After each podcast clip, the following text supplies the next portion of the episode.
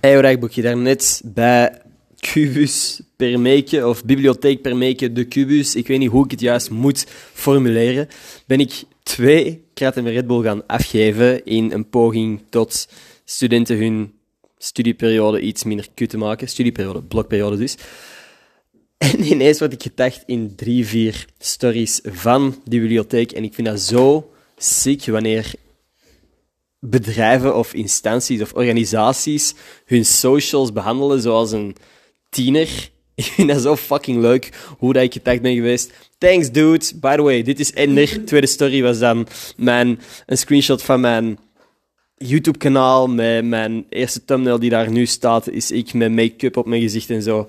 Hella funny. Uh, ik denk dat ik weet wie de socials doet bij Bibliotheek per Meek. En misschien is dat degene die wij hebben tegengekomen. Anyway, het zal allemaal duidelijk worden in de video die waarschijnlijk morgen online komt. Want vandaag ga ik tijd spenderen met Claudia, die morgen naar Barcelona vertrekt.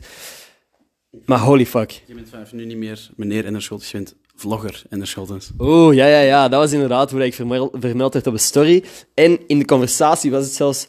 Ben jij een... Ben jij een internetster? ben je superster? Ja, ben ik een superster? Dat was de vraag.